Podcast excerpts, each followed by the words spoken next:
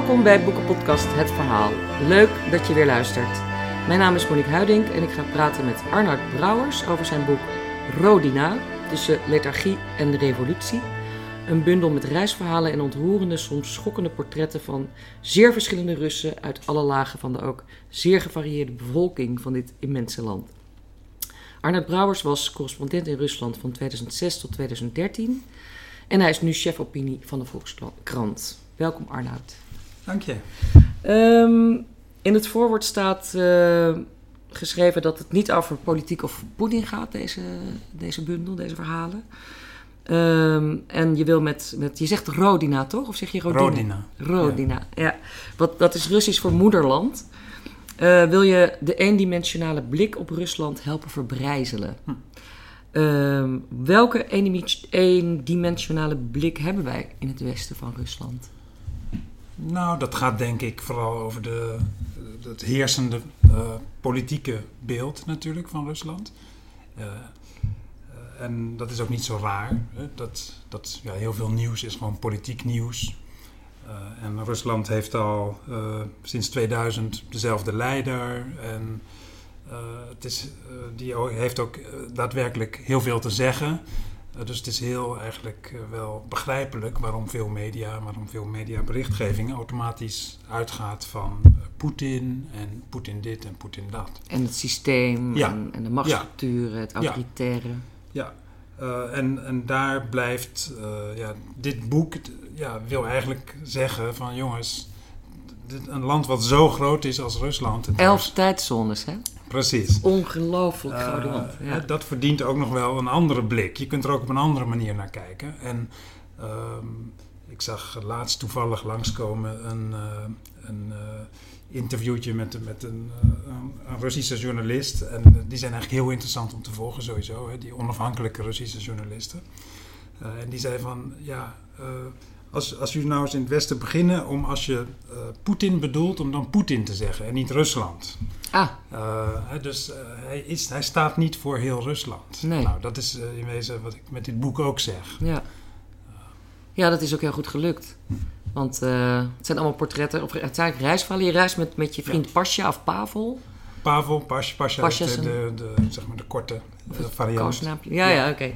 Rij, je, rij je rond in die, in die periode, denk ik ook, hè, van 2006 tot 2013? Ja. Want daar komen deze verhalen, denk de meeste ik, wel, ja. vandaan. Ja.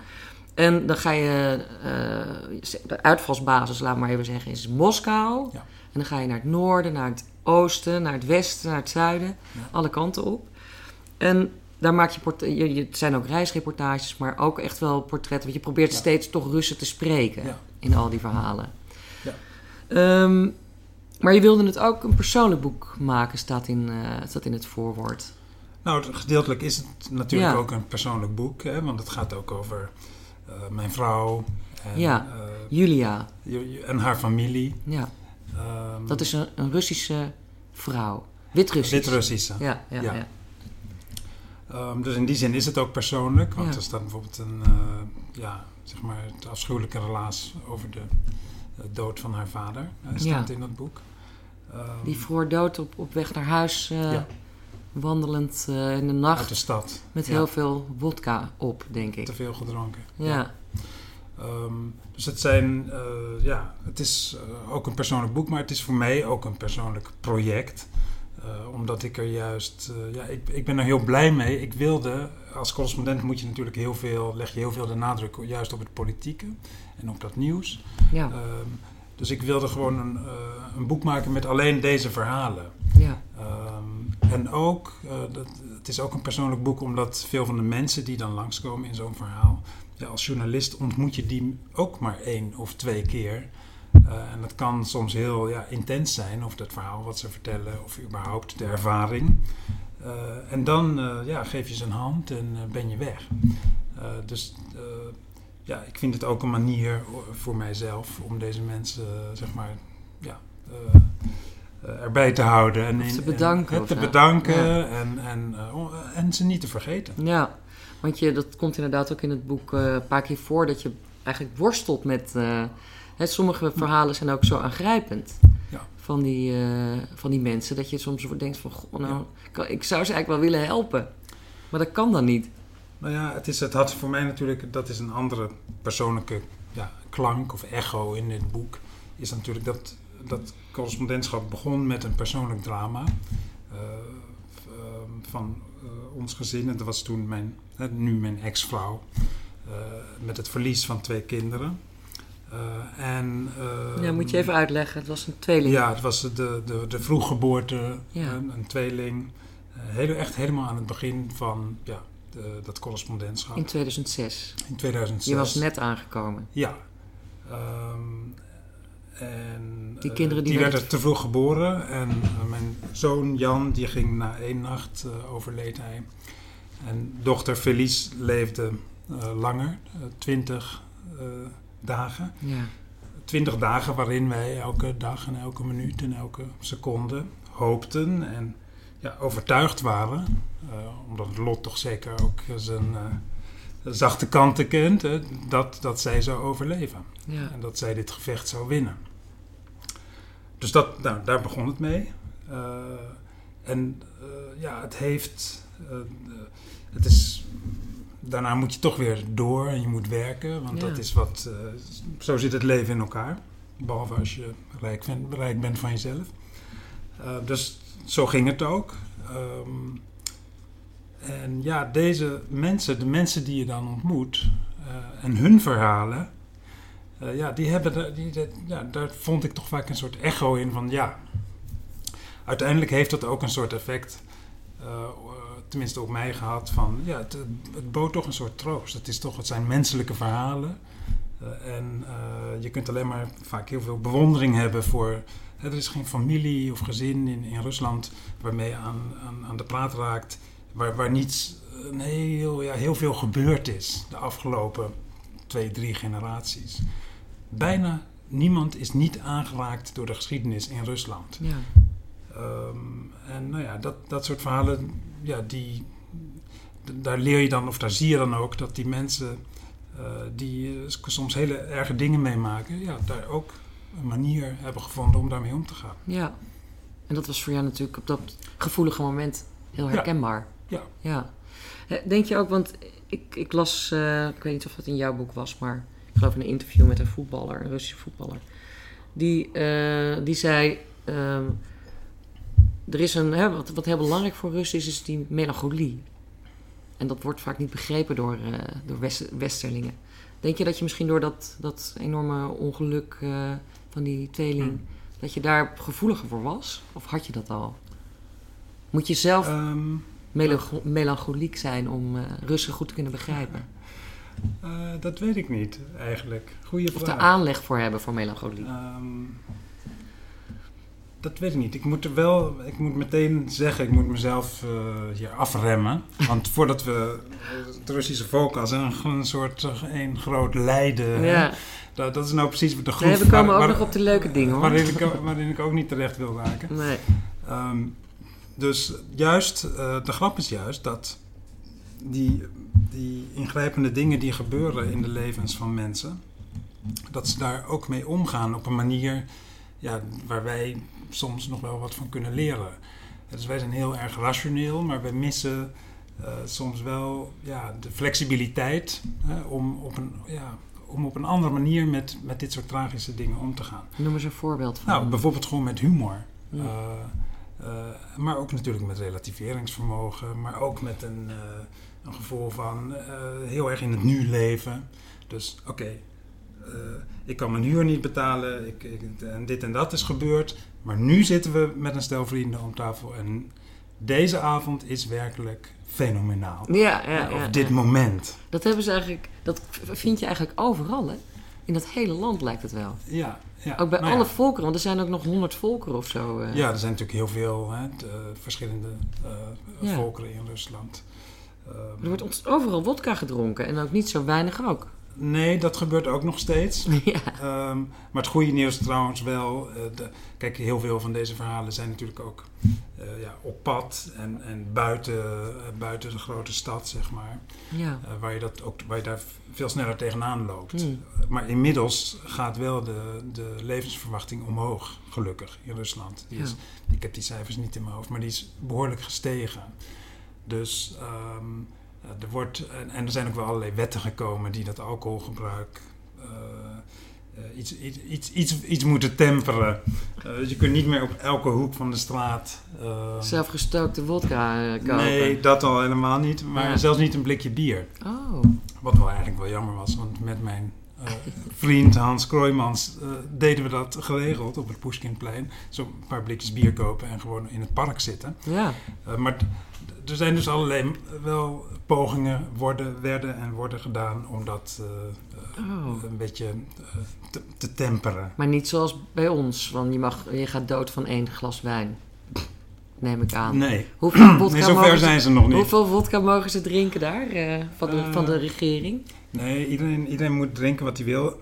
het zit op een ander niveau. Het zit meer op het niveau van als je dan toch gaat drinken, drink dan tenminste een legale fles vodka. Ah, En eh, niet eh, die het spul waarmee je je autoramen eh, te schoonmaakt. geen Want, spiritus? want, want dat is niet gezond voor je. nee. En eh, dat is ook zo dat als, als er in Rusland te, te scherpe wetten worden aangenomen om, om dat alcoholisme terug te dringen, dan zie je overal dat die illegale methodes opkomen. En dat is nog, nog slechter. Ja, ja, ja. Eh, dus eh, op die manier doen ze het niet. Want Nee. dan, dan vergiftig je heel veel mensen. Ja. Ja, want het wordt dus niet geaccepteerd van we mogen, niet, we mogen maar één glaasje vodka per week. Nee, dat is nog niet echt een Dat gaat, dat gaat niet lukken. Nee. Nee. Eh, je schrijft ook eh, op een gegeven moment... eh, de Russische inborst is vriendelijk, openhartig en gul. Is dat ook iets dat je inderdaad overal... Ja, dat is ook heel generaliserend natuurlijk. Maar bijzonder... Het lijkt ook net, je bent dan op reis in al die verschillende Ja. streken. Ja. En eigenlijk overal wordt je ook meteen eten aangeboden. Ja. De- binnenkomen, heel leuk. Er is een, een buitenlander. Ja. Ja, het heeft, Waar komt dat eh, vandaan? Nou, een van de, het is wel een van de aant- aantrekkelijke dingen van reizen door Rusland. Is dat het geen eh ja, backpack-land nog Nee, is. hè? natuurlijk. Ja, dat is ook zo. Ehm, omdat Weinig- die taal is een zodanige barrière. Dat, dat, dat het niet, niet allemaal ingesleten paden zijn. Ja, die hebt het wel een paar natuurlijk. Van de, de Trans-Siberië Express en Ja. zo. Maar verder eigenlijk niet. Wat betekent dat als je in een stadje of een dorpje komt... dat je toch een soort Lucky Luke gevoel hebt van... eh, hmm, daar komen we binnen. Ja, En dat de mensen ook zo... Ja, die zijn gewoon eh, nieuwsgierig. Of die, eh, die zijn gewoon oh, een bezoeker van onze stad. ja. En dat heeft iets, iets ouderwets, maar ook iets heel charmants. En, Maar niet achterdochtig dus, zo lijkt het. Nee, van, misschien, hey, is dat sinds, misschien is dat inmiddels wel aan het veranderen. Het is wel zo dat de autoriteiten zijn wel altijd achterdochtig. Want ook hoe klein het stadje ook is, het heeft ook een FSB-kantoor. Wat is een Eh, FSB-kantoor? De, de FSB, dat is zeg maar de, de, de moderne benaming voor de geheime dienst. Oh, Eh, ja. dus- KGB eh, voor Ja, ja, en wat eh, vroeger had je in de hele Sovjet-Unie had je dat in elk plaatsje, omdat natuurlijk de interne controle heel groot was. Nou, dan zie je dat het nog niet eh, zo heel erg veranderd is, want hè, zo'n, eh, als je dan iemand ging interviewen of zo, dan, dan heel vaak zei die persoon dan ook van, ja, en de FSB die had ook al gebeld, of eh, die, die laten gewoon weten dat zij weten wat er Ja. gebeurt. En dat is dan, dat, dat, dat, dat vind ik echt opmerkelijk in, jou, in jouw boek. Hoewel het er niet zo heel hard uitkomt, maar dat komt door mijn vooroordeel. Dat contrast tussen die, die vriendelijke, open Rus, gewone Rus, en dan die autoriteiten die het totaal tegenovergestelde zijn. Helemaal niet gastvrij en gul. Nee. En zeer achterdochtig. Ja, En intimiderend. ja, soms wel. Ja. Ja, ja. Dat is toch, Ehm, ik vind dat, dat vind ik echt fascinerend hoe dat, hoe dat dan werkt. Dat is hetzelfde volk. Klopt. Eh, het, hetzelfde volk wat eh, eh, in de geschiedenis weinig geluk heeft gehad met goed bestuur. En wat, waarvan je nu ook kunt zeggen, vind ik, dat ze, dat, dat ze het volk vooruitloopt op de bestuurders. Eh, dus ik vind het volk moderner dan het bestuur. Ehm, eh, en dat, wat bedoel ik daarmee? Het volk heeft heel veel wensen die eh, voor ieder ander mens gewoon heel herkenbaar zijn. Ook, dus ook voor ons. Ze willen gewoon een normaal werken, huis en eten Ja, en een veilig gevoel. ja en het zou fijn zijn als de, als de school gewoon goed werkt. En het ziekenhuis. ziekenhuis. En, en, en als de wegen een beetje normaal zijn. Ja. Eh, Heel normale en, en het zou ook fijn zijn als de, de lokale bestuurders bijvoorbeeld... Ja, niet allerlei projecten begonnen waarvan iedereen meteen kan zien dat ze daar heel veel geld in hun eigen zak gaan steken. Ja. Uh, dat zijn dingen die elke Rus kent en waar elke Rus tegenaan loopt.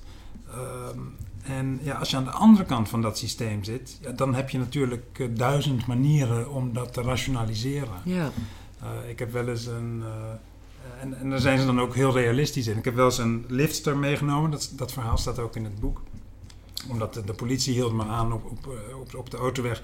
Maar het was niet om mij te straffen. Maar die agent die vroeg van... kun je misschien mijn zus meenemen naar... Ja. Uh, dat is overigens heel normaal hè, in Rusland. Je houdt gewoon, je hoeft maar geen taxi te bestellen. Nee, je vraagt nee. gewoon, mag ik meerijden? Ja. Geef je diegene 10 Ja. roebel of zo. Ja. Ik zeg maar wat.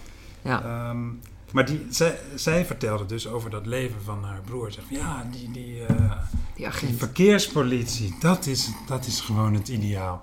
Ik bedoel, die werken niet, ze drinken de hele dag. En ze verdienen zoveel geld doordat ze alle mensen het geld uit hun zak kloppen. Eh, eh, Oh. ja.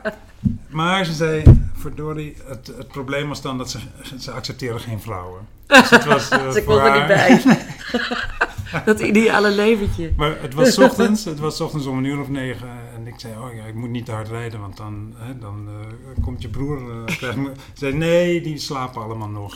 dat is veel te vroeg. Die slapen hun roes die uit. beginnen later, precies. Ja, dus ja, da- maar Dat dus zij, dus zij ziet het, Ja. maar ze zegt ook van als ik kon. Dan zou ik Hè? het ook doen. Ik het ja. ook doen. ja, het is natuurlijk ook... eh, Maar zij kwam uit uh, Vyasma en dat is echt een, ja, zo'n stadje wat, wat, waar, wat, wat niet veel toekomst heeft. En dus daar zijn niet zo heel veel opties. Dus of je gaat voor de, sowieso over, werken voor de overheid tegenwoordig is natuurlijk eh, een verstandige investering. Want ja. die overheid die blijft voorlopig wel zitten. Eh, en die betaalt, eh, die betaalt de lonen uit. Ja. Dus dat- het is ook wel rationeel om daar naar te kijken. Ja. En, en verder, ja, Maar ze vindt ook heel normaal dat het dus gewoon hartstikke corrupt is.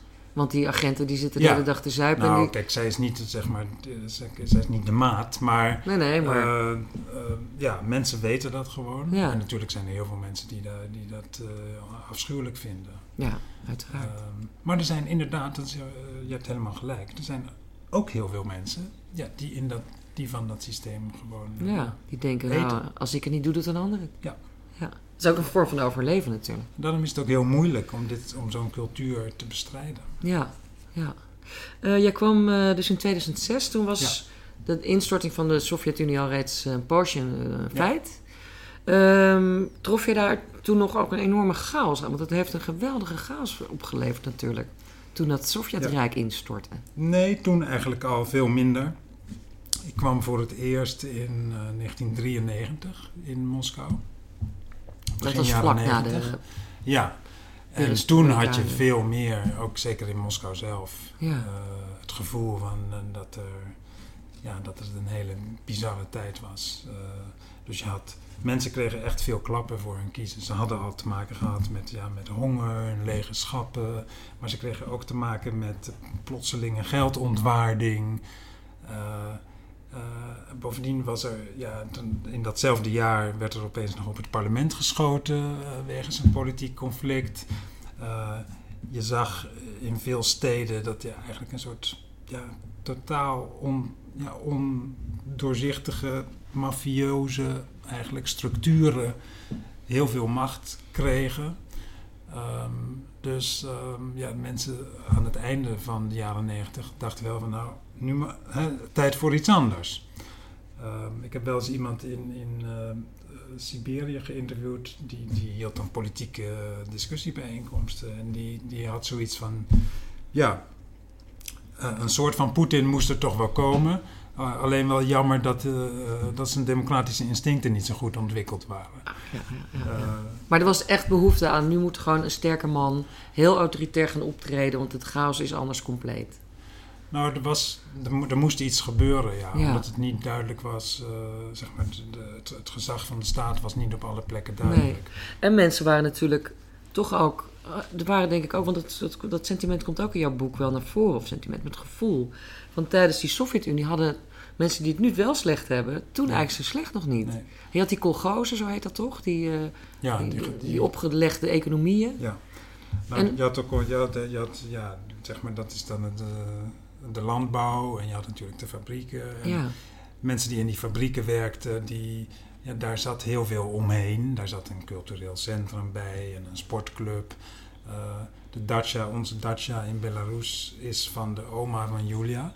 Van je en, vrouw, ja. Uh, ja, en die, die oma die werkte voor een fabriek. Die heeft ze ook deels zelf met haar handen opgebouwd na de oorlog. Um, en die fabriek, die op een gegeven moment, ja, die heeft gewoon een, een, een stukje bos ontgonnen. En die heeft daar een dacha-dorp gebouwd. Uh, voor de arbeiders. Uh, dus ja, in Nederland uh, kun je dan denken aan Philips of zo, ja, die dat een eeuw geleden deed. Eindhoven, ja. En dus mensen hadden niet veel, en ze hadden allemaal, maar ze hadden allemaal ja, min of meer hetzelfde. Ja. En naarmate, denk ik, die, de, de, de economische vooruitzichten slechter werden in de jaren negentig. En naarmate die overgang schokkender werd. En vooral, en dat geldt voor de dag van vandaag net zozeer als toen. Eh, naarmate de rijkdom van sommige mensen gewoon ja, uh, onvoorstelbaar werd. Uh, terwijl hun eigen leven eigenlijk niet, niet, niet zozeer verbeterde. Ja, dat is wat, denk ik ook, dat, dat dat die Sovjet-nostalgie versterkt. Want als je wat langer met mensen praat, dan kunnen ze je ook honderd dingen opnoemen die niet goed waren. Ja, natuurlijk. Uh, en er werd ook nogal veel gemoord en alles. dat was juist niet zo prettig. En het was verstikkend en er gebeurde niets, er was geen ontwikkeling. Uh, dus ja, dat, dat soort sentimenten die, die zijn wel begrijpelijk vanuit ja. Tot op zekere hoogte van wat er nu gebeurt. Maar je moet ze ook niet, het is niet het laatste woord, ook niet van die mensen zelf vaak. Nee. Over maar, wat, wat ook belangrijk is dus, er is nu sprake van extreem exorbitant rijke ja. Russen. Ja. Die hebben voornamelijk, uh, vlak na die instorting, zijn die geweldig in het, aan de handel gegaan. Er gigantisch geld mee verdiend. Ik heb dat wel eens van Pieter Waterdrinker, uh, die heeft daar mooie verhalen over verteld. En uh, met name die, dus er ontstaat dan opeens van eigenlijk een vrij egalitair ingesteld machtsstructuur van die Sovjet-Unie. Enorme klassenverschillen, of geweldige ja. inkomensverschillen. En daarvan zeg je ook van eigenlijk waren die mensen die dat, die of de boot gemist hebben, of gewoon niet in de omstandigheden waren om daarvan te profiteren. Het gevoel van, dat was bij de Sovjet-tijd eigenlijk fijn, want we hadden allemaal ongeveer hetzelfde. Ja, dus maar dan was je ook niet jaloers op je, op, je, op, je, op je oom of op je tante of op je buurman. Maar laten we het niet uh, vergeten, want Poetin zelf gebruikt dit beeld heel sterk hè, van de jaren negentig. Dat was een afschuwelijke chaos en toen kwam ik en ik Oh ja. bracht de orde. Ja. Maar laten we niet vergeten dat uh, de mensen die konden profiteren in de jaren negentig vaak voortkwamen uit diezelfde geheime diensten Ja. en uit diezelfde bureaucratische structuren die aan de macht waren. Die al aan de macht Want waren. die, wa- dat waren de eerste die het zagen. Die zagen van, oh, eh, het gaat veranderen. Hier kunnen we niet veel meer aan doen. Eh, hoe, hoe kan ik mezelf en mijn familie redden en mijn positie verbeteren? Eh, ik heb dat ook gezien met de, de, de moeder van mijn ex-vrouw. Die werkte in zo'n eh, ministerie. Was dat ook een Rus? eh, Een Russin, die ex, ja. ex- Ja. Oh ja. ja. Zij, zij is een Moscoviet. Ah, Ja. En zij kwam, ja, zij vertelde verhalen precies van dat soort mensen. Eh, die bij wijze van spreken de schilderijen van de muren begonnen te halen. Maar ook die hun machtspositie in die ministeries begonnen te gebruiken, misbruiken. ja. Om handeltjes op te zetten, eh, om eh, vergunningen te regelen. die andere mensen niet gereg- geregeld krijgen. Dus die mensen die hadden natuurlijk een enorme voorsprong ja. als het ging om hoe kan ik nou snel rijk worden in deze tijd. Maar het klinkt me ook heel erg als een soort verlengstuk gewoon van de Sovjet-Unie en de corruptie van, Ja. van de macht. Die, mensen die hadden natuurlijk al, die wisten hoe macht werkt. Dus het is dan een soort van kapitalistische invulling van eh, wat ze al- eigenlijk altijd al deden. Wanneer is die, die, wanneer is die basis, dat geraamte van die machtsstructuren eigenlijk begonnen? Is dat al in de tsaristische tijd dat je kunt zeggen, of toen, toen was het al zo? Of, Eh, of is, gaat het dan te ver terug? Nee, een sterke eh, eh, binnenlandse politie he- heeft natuurlijk Rusland altijd gehad Ja. in de autocratische Daar tijd. begint het al, ja. Eh, maar eh, vlak de communisten niet uit. Nee. Ik bedoel, dat was natuurlijk helemaal een op ja, interne repressie gericht systeem. Ja, wat ik je zeg, van waarom moet, waarom moet de geheime dienst in al die uithoeken ook nog een, een Post hebben. Een post Ja. hebben. Omdat, gewoon, omdat iedereen eh, in de gaten gehouden Ja. moet worden. Of Ja. moest worden. En nu eh, soms nog, nog steeds een beetje. En zit dat eigenlijk dan, gaat zoiets in een beetje in het DNA zitten van zo'n uh, nou, ik, van zo'n systeem? Ja, kijk, ik vind als je nu kijkt naar uh, Rusland en naar wie, wie er dan onder Poetin rijk zijn geworden. Dus Poetin heeft, die kwam aan de macht.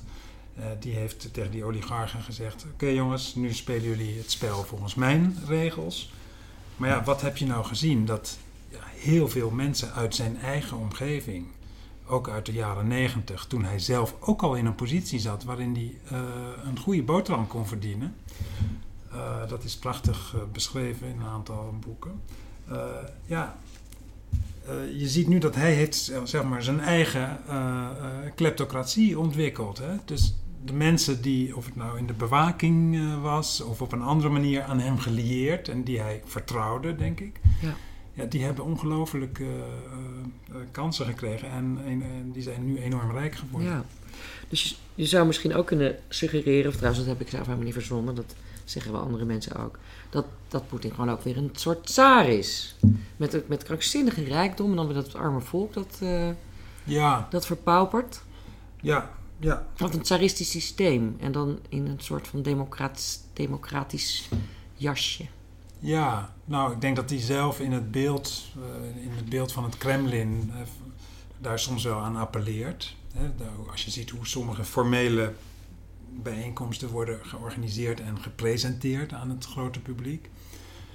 Maar hij, ja, en mensen vinden die allegorie leuk, maar hij is natuurlijk helemaal geen tsaar. En hij is gewoon juist een hele simpele jongen uit... Uh... Hij heeft ook nooit een hele mooie pakken aan. Hij heeft dat gewoon Nee, nee, precies. En, en, zijn imago is ook meer dat van de, de gewone jongen die gewoon zegt waar het op staat. Ja. Van we zullen de terroristen tot in de play uh, najagen. Hij is altijd, altijd dat soort quotes. Uh, daarom werd hij bekend. Ja. Van recht voor zijn waap. En, ja. dus, en hij gedraagt zich in zover helemaal niet als een tsaar. Hij ziet er ook niet zo uit, inderdaad. Ja, nou, maakt ook niet uit eigenlijk. Uh, je beschrijft een, uh, in het boek een uh, biljarttafel. een schitterende beschrijving. En dat zie je een soort van overeenkomst in met, met, de, met de volksaard. Die ga ik even voorlezen. Het typische aan een, aan een Russisch biljart is dat het veld veel groter is dan bij een Amerikaanse pooltafel.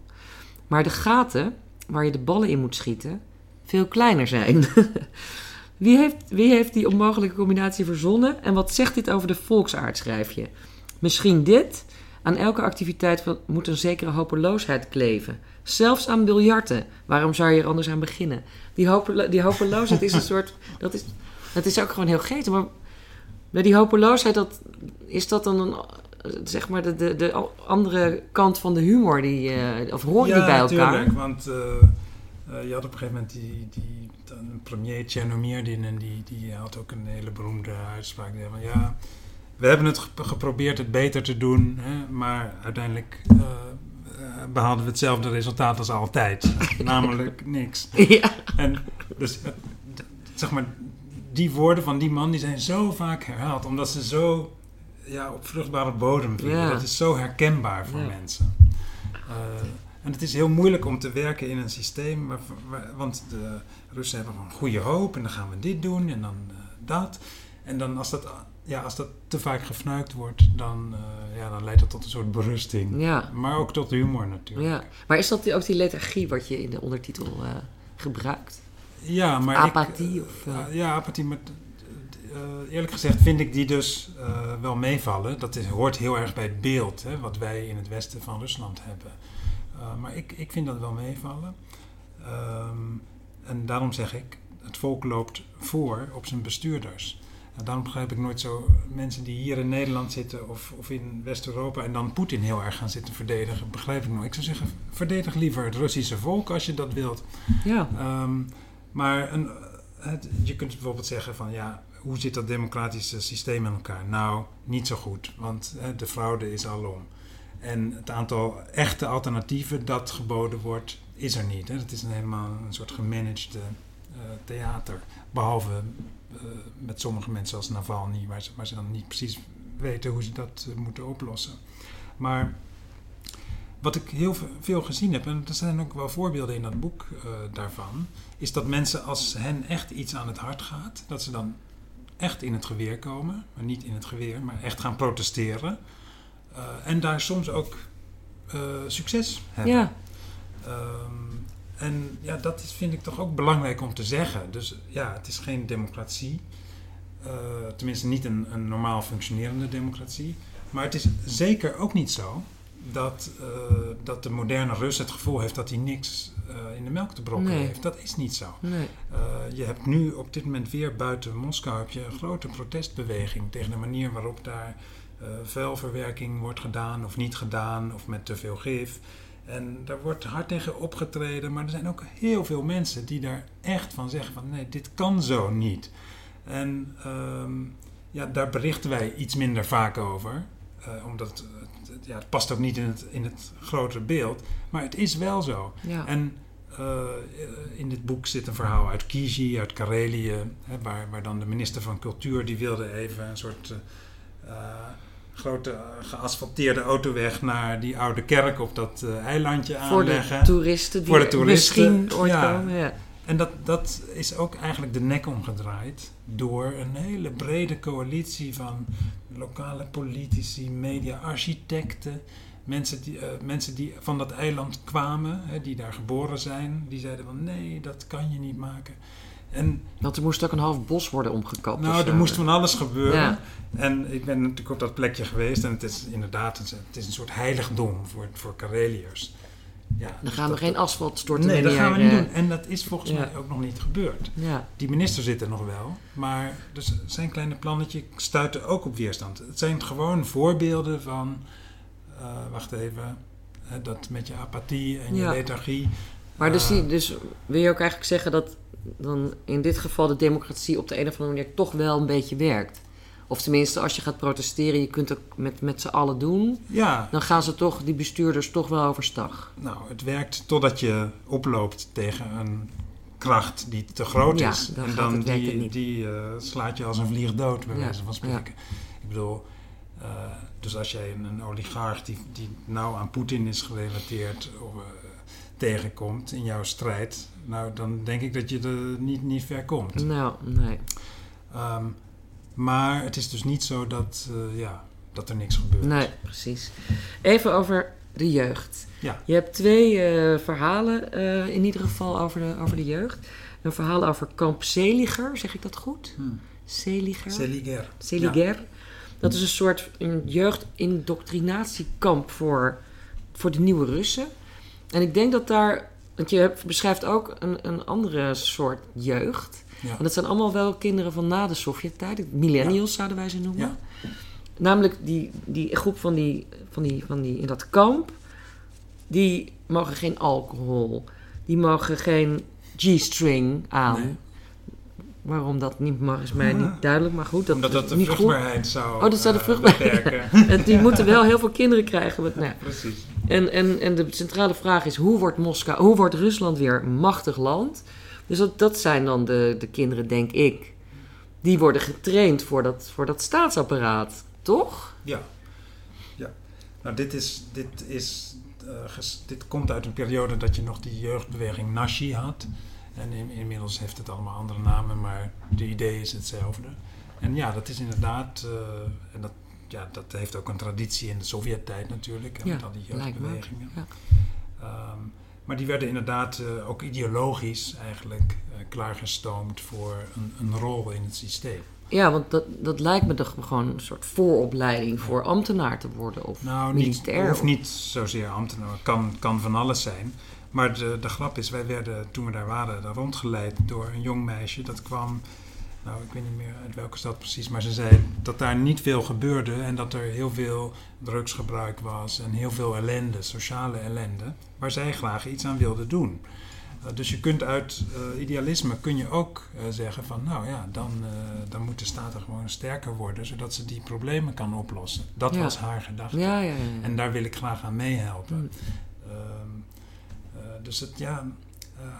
En voor haar was het ook, dat begreep ik ook wel heel goed. Kijk, als je uit echt zo'n troosteloze flat komt.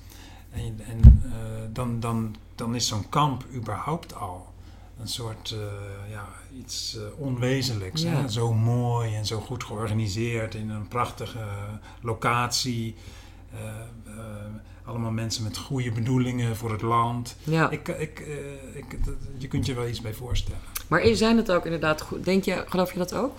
Want dat is echt bedoeld om die, om die, om die kinderen even een mooie tijd te geven, iets idealistisch. Of zit er toch ook gewoon indoctrinatie achter? Ja, eh, pure indoctrinatie. Ja, toch en wel, ook, eh, ja.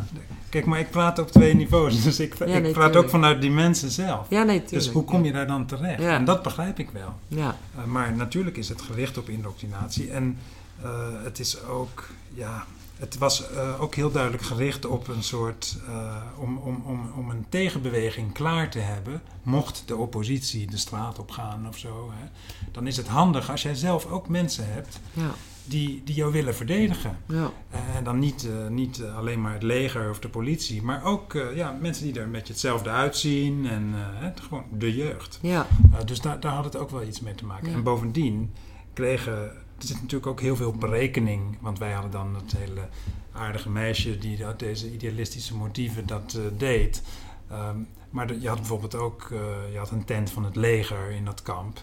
En reken maar dat als jij een jongen bent en je moet je militaire dienst vervullen en je kon dat regelen via zeg maar die mensen in Zeliger, dat je dan bij een andere eenheid kwam en dat je dan geen uh, last zou krijgen van al die pesterijen waar de normale soldaten wel last van krijgen. Juist. Dus er zit ook heel veel. Uh, het, is een, het is een opstapje misschien voor je toekomstige carrière. Ja, maar zo, zo kwam het op mij ook over. Ja, ja. ja. Maar dan beschrijf je uh, verderop in het boek Uh, ik denk dat dat in Minsk is, dat je bij een, een soort protest bent of een demonstratie van ook jeugd, ook weer al die kinderen die na de Sovjet-tijd geboren zijn. En dat zijn gewoon hippies ja, uit dat onze is, jaren dat is 60. Moskou. Dat is Moskou. Oh, in Moskou. Ja, ja. Okay. Nou ja, dat is die. Uh, dat is een heel ander slag ja. dan jeugd. Um, nee, ja, ook jeugd. Ja, ook Alleen jeugd. andere jeugd. Ja. Maar bijvoorbeeld in grote steden jeugd die, uh, ja, die heel veel tegen zult komen. Uh, dat is vaak ook als mensen. Weet je wat wij hipsters zouden noemen? Ja, zoiets. Uh, maar ik noemde ze hippies, omdat ik het eigenlijk een hipster. Ja, daarvan heb ik het idee, die verdient waarschijnlijk al veel te veel geld. En Ah. die is heel erg bezig met het manicure, misschien van zijn uh, uiterlijk. En, en, maar een hippie, die wil gewoon vrede op aarde. En ja. die heeft geen geld. en die, dat zit er nog wel. flower power. Dat zit er nog wel even. Dat is toch ja. nog wel iets anders. En, en dat, dat zie je daar dus uh, inderdaad Nou, dat kwam ook. Toen, toen kreeg je op een gegeven moment die protesten tegen uh, ja, de, de, verkiezingen die niet eerlijk waren. en daaruit kwam dat voort. Mm. en dat, daar waren ook heel veel jonge mensen bij. En dat werd dan wel Poetins jeugd genoemd. Hè? Dus de, de mensen die opgroeiden eigenlijk helemaal in de tijd dat Poetin president ja. was. Die nog geen andere president hadden gekend. En de ironie was dus eigenlijk dat die Poetin-jeugd zei... Nou, uh, nou ja, die, de, dus precies de jeugd die had geprofiteerd van die stabiliteit, uh, toegenomen stabiliteit, dat Ja. die zei van, nou, nu willen we ook wel doen wat we zelf willen. en ook wel stemmen op wie we zelf willen. Oh jee. Want dat hoort er wel bij. Ja, ja, ja. Uh, en de, de grap is dat die beweging dat uiteindelijk redde het natuurlijk niet. En Poetin werd herkozen en voerde allemaal hele strenge wetten in. Uh, die er ook op gericht waren om mensen af te schrikken van demonstreren. Uh, hij bande de, uh, de, de, de NGO's, die moesten inbinden. die werden buitenlandse agenten als ze steun kregen, et cetera, et cetera. En wat zag je nou vorig jaar? Dat er toch weer opeens zo'n protestbeweging is in die grote steden. En waarbij de mensen die in de arrestatiebusjes belanden nog jonger waren eigenlijk dan uh, vijf jaar geleden toen dat uh, speelde. Uh, dus ja, dat zijn echt ja, de grootsteedse jeugd die denkt Ja. van mag het een tikkeltje minder achterlijk. Ja, ja, ja. Maar kijk, ik, ik, ik hoor meteen al iedereen uh, critici zeggen van ja, maar dat zijn maar heel weinig mensen. Ja, Want er wonen eh, 13 miljoen uh, mensen in Moskou. En hoeveel mensen komen nou demonstreren? 5000 of 10.000? Um, maar goed, uh, dit soort uh, ja, gesimplificeerde discussies brengt je niet, uiteindelijk niet zo ver. nee, maar het is interessant om te zien dat het überhaupt gebeurt.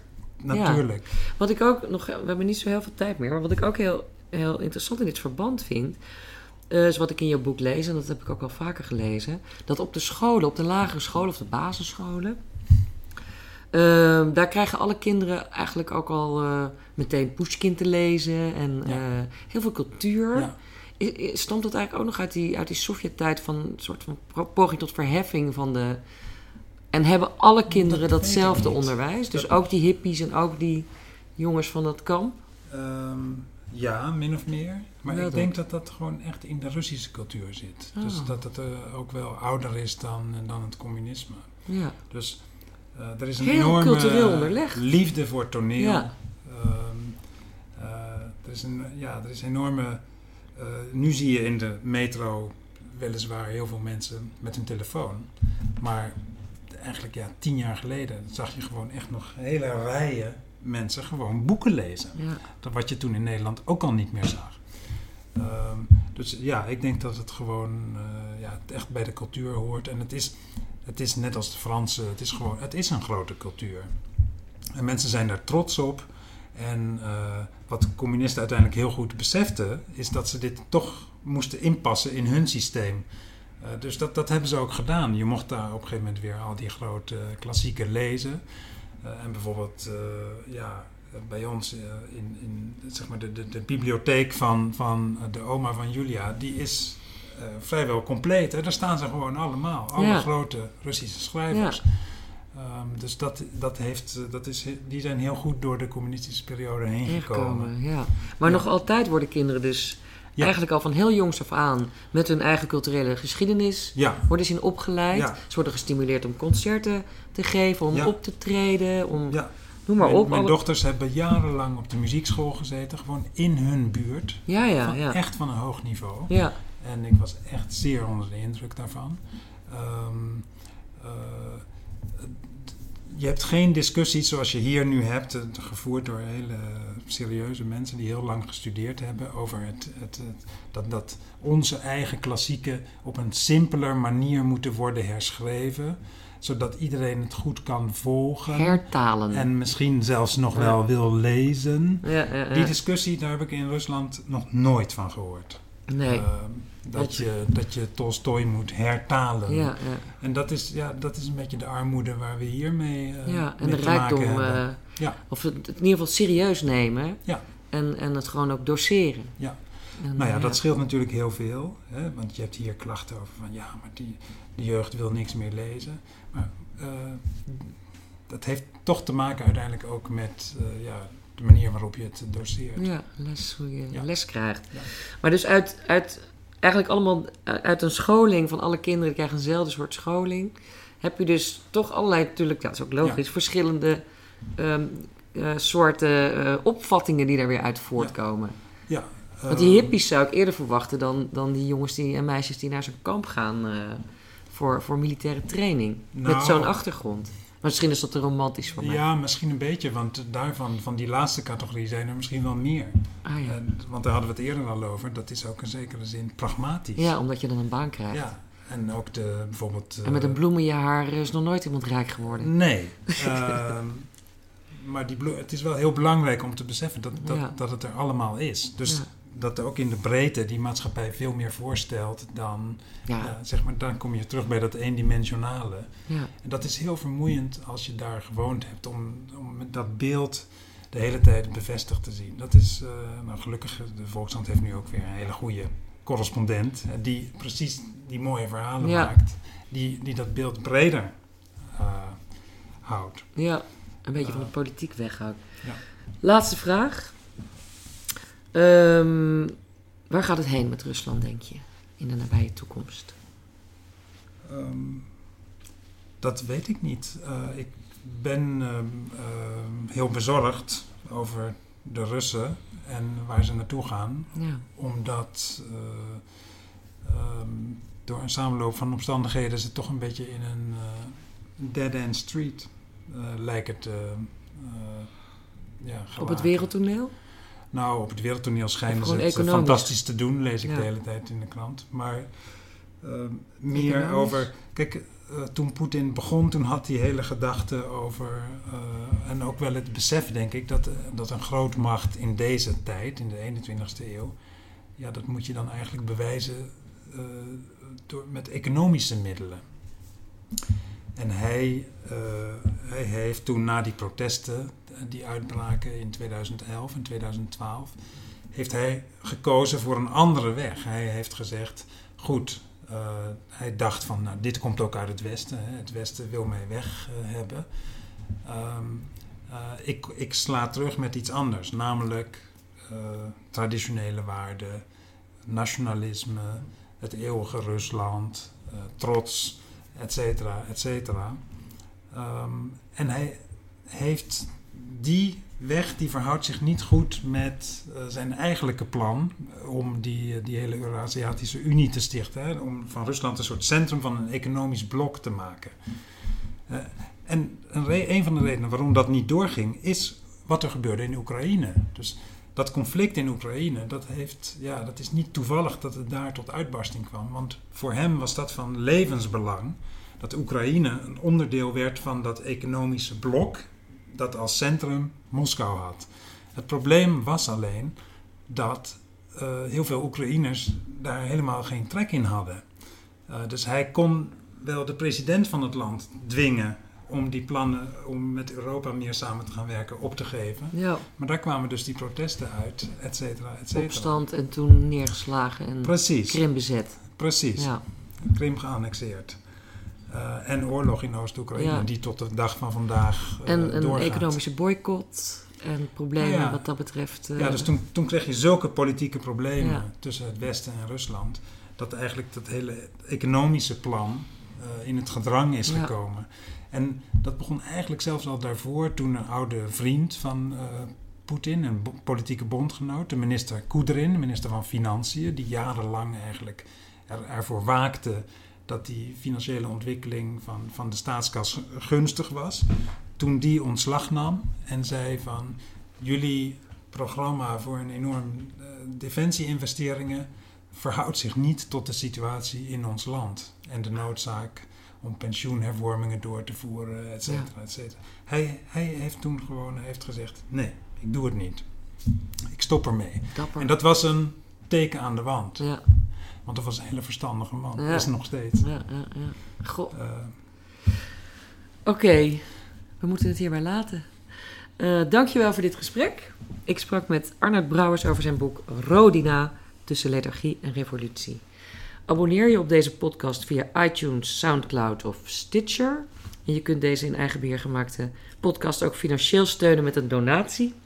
Dat kan via de website podcasthetverhaal.nl, allemaal aan elkaar dus. Op de pagina Steun het Verhaal kun je via internetbankieren heel makkelijk een bedrag naar keuze overmaken. Alvast hartelijk dank en tot de volgende keer.